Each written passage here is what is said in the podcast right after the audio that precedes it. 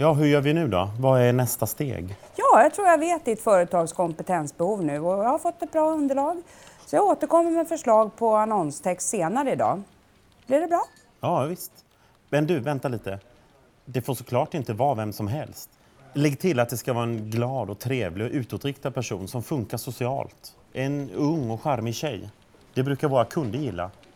Ja. Ja, det där kanske du känner igen. Kravprofilen snävas åt och färre får en möjlighet att känna sig träffade av annonstexten.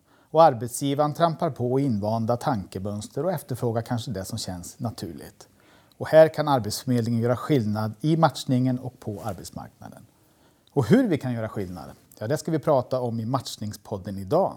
Välkommen! Jag är programledare och jag heter Patrik Bylöv och idag har jag bjudit in Therese Borman. Välkommen Therese!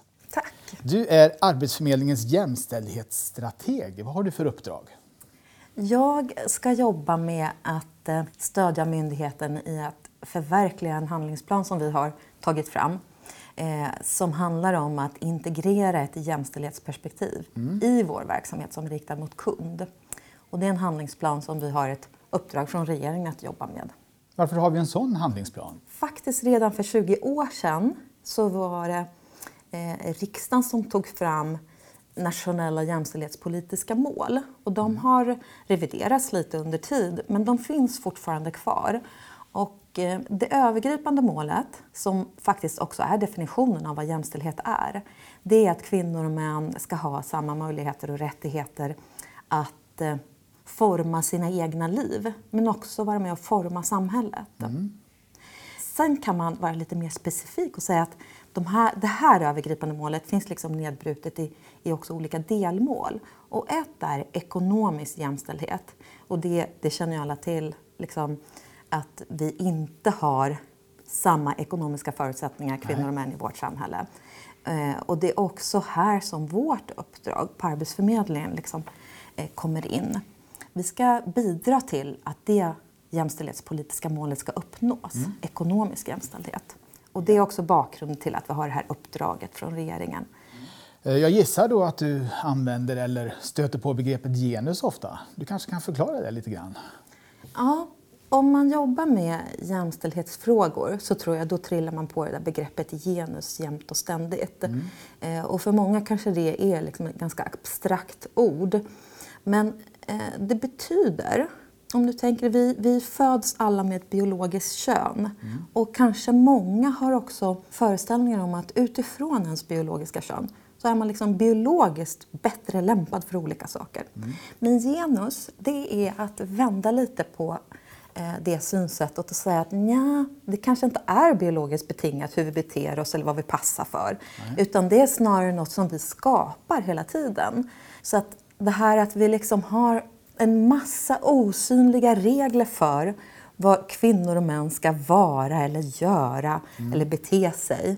Det är det som är eh, betydelsen av genus. Ett socialt skapat kön, mm. om man är väldigt formell i definitionen av det. Ja. Eh, men alla de där föreställningarna som vi har av vad vi passar för och så, de tar vi med oss i alla möjliga situationer. Men inte minst när vi väljer vad vi ska arbeta med. Mm. Och på vilket sätt skulle du säga att det här genus spelar roll i, i vårt matchningsarbete och kanske när vi anvisar till program och sånt där? Ja, men jag tror att eh, liksom, vi har det där omedvetet med oss. Och inte bara vi som jobbar på Arbetsförmedlingen, utan även de som söker jobb förstås. Mm. Men också arbetsgivarna som söker, ja. som söker folk till sina arbetsplatser. Vi är så himla vana vid både att se det i verkligheten, det är ju inte bara en föreställning, mm. att eh, vi tänker att kvinnor gillar att jobba med människor och kanske i synnerhet barn. Att män gillar att jobba med teknik och den typen av, av verksamheter där man använder maskiner eller så. Mm. Det är ju inte bara en föreställning, utan vi ser det ju i verkligheten. Men samtidigt så liksom fostras vi redan från att vi är små barn. Mm. Vi tränar ju på de här grejerna. Alla kan minnas vad man har lekt med hemma, eller på dagis, eller i mm. skolan.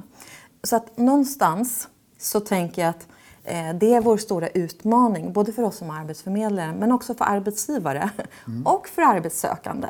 Att se så här, nej jag kanske kan vara bra på grejer och tycka andra saker är roligt än precis just de som jag alltid har ägnat mig åt. Mm. Eh, och det är lite grann att eh, brottas med de där föreställningarna som vi behöver göra från alla möjliga olika håll. Och det tror jag är viktigt i matchningsarbetet. Ja, och det, utmanande. Just det. Och det här att vi har olika föreställningar om kvinnor och män, då, vad får det för konsekvenser? Kan vi säga något om det? För matchningen eller för, för arbetsmarknaden? Om man gör så som vi alltid brukar göra och där det där kanske vägleder oss en hel del mm. omedvetet. Men även om vi försöker medvetet bryta lite mot det så är det ju liksom ganska starkt motstånd kan det vara i alla fall, ofta, både hos arbetsgivare och arbetssökande, ja. att vilja bryta mot det.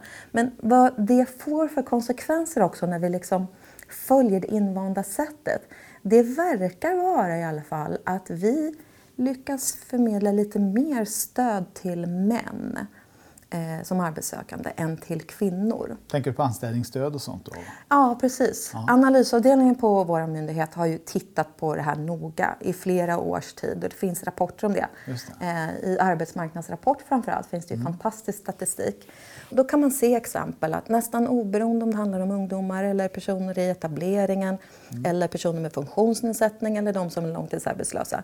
Den typ av stöd där det krävs liksom ett aktivt ställningstagande och en värdering där det inte är en rättighetslagstiftning bakom, då tenderar mönstret vara att kvinnor får i lägre utsträckning stöd än vad män får. Mm. Och det verkar vara kanske en konsekvens som lite grann hör ihop med det här, tänker jag. Ja. Finns det någon förklaring till det? Vad ligger bakom det? Jag tänker om vi väljer att, att rösta mm. i matchningen då, vi röstar män, mm. har det att göra med att är, vi har fler utbildningar mot mansdominerade yrken? Ja, det är absolut en förklaring till att det är fler män till exempel som tar del av arbetsmarknadsutbildningar. Mm. Det är två tredjedelar män och en tredjedel kvinnor. Och om man förhåller det till hur ser könsfördelningen ut bland alla som är arbetssökande mm. så är det ungefär, inte riktigt exakt 50-50, för det brukar vara 48-47 procent kvinnor som arbetssökande. Ja. Och så det blir en liten övervägande. Ja, Men ungefär 50-50 är det ju. Och då kan man ju se när man jämför så att det är liksom 70 procent män, 30 procent kvinnor bland de som har en arbetsmarknadsutbildning. Att det finns någon skevhet där.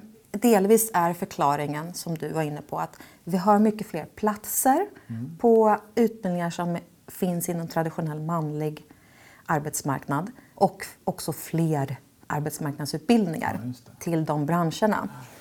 Men om man tittar på var det finns bristyrken mm. när vi gör våra prognoser, då lyfter vi å andra sidan fram att det finns väldigt mycket brist inom vård och omsorg. Ja. Och, och, då tänker jag att det är lite spännande mm. Eh, när man jämför den slags fakta. Mm. Var identifierar vi bristyrken och var har vi sedan en dominans av arbetsmarknadsutbildningar. Mm. Där kan vi nog kanske göra en liten förändring som skulle vara eh, gynnsam för, för kvinnor i så fall. Får vi vara lite mer systematiska då kanske för att få en jämställd verksamhet? Ja, man kan behöva tänka igenom det både i, i upphandlingsförfarandet mm. men också när man följer upp de aktörer som vi handlar upp eh, och som ger just arbetsmarknadsutbildningar. Mm. Liksom, hur profilerar man de utbildningar som finns? Eh, ser de attraktiva och lockande ut för, för alla? Mm. Även de som normalt inte skulle lockas och attraheras av precis den Nej, utbildningen. Hur kan man jobba liksom mer systematiskt med just det där att vidga perspektivet och intresset och mm. inte utgå från gamla invanda föreställningar om vad man är lämpad för eller inte. Mm. Hur kan vi göra då när vi pratar med arbetsgivare och kan vi utmana deras vanetänkande på något sätt? Då? Behöver vi lyfta vad det finns för fördelar och vinster med jag tror att vi kan göra ganska mycket där. Särskilt nu när vi ändå liksom gör en, en eh, ny större satsning på att vi ska ha mycket kontakter med arbetsgivare. Mm. Vi ska vara deras bästa vän. Ja. Och Enköpingskontoret mm. var ett pilotkontor för ett par år sedan för en jämställdhets integreringssatsning. Man prövade många olika saker, men exempelvis där så var det en förmedlare som jobbar mycket med eh, prognoserna mm. som testade varje gång hon träffade arbetsgivare att också lägga till en fråga. Hur ser könsfördelningen ut på företaget? Och utifrån det svaret som hon fick så hade hon en uppföljande fråga om om företaget var intresserade av att bredda det underrepresenterade könet.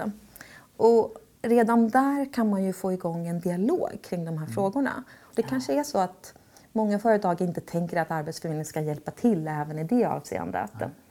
Mm. Men lyfter man frågan och det finns ett samförstånd kring det, men då tror jag vi kan göra ganska mycket med att vaska fram kandidater som inte verkade sannolika kanske för tjänsten.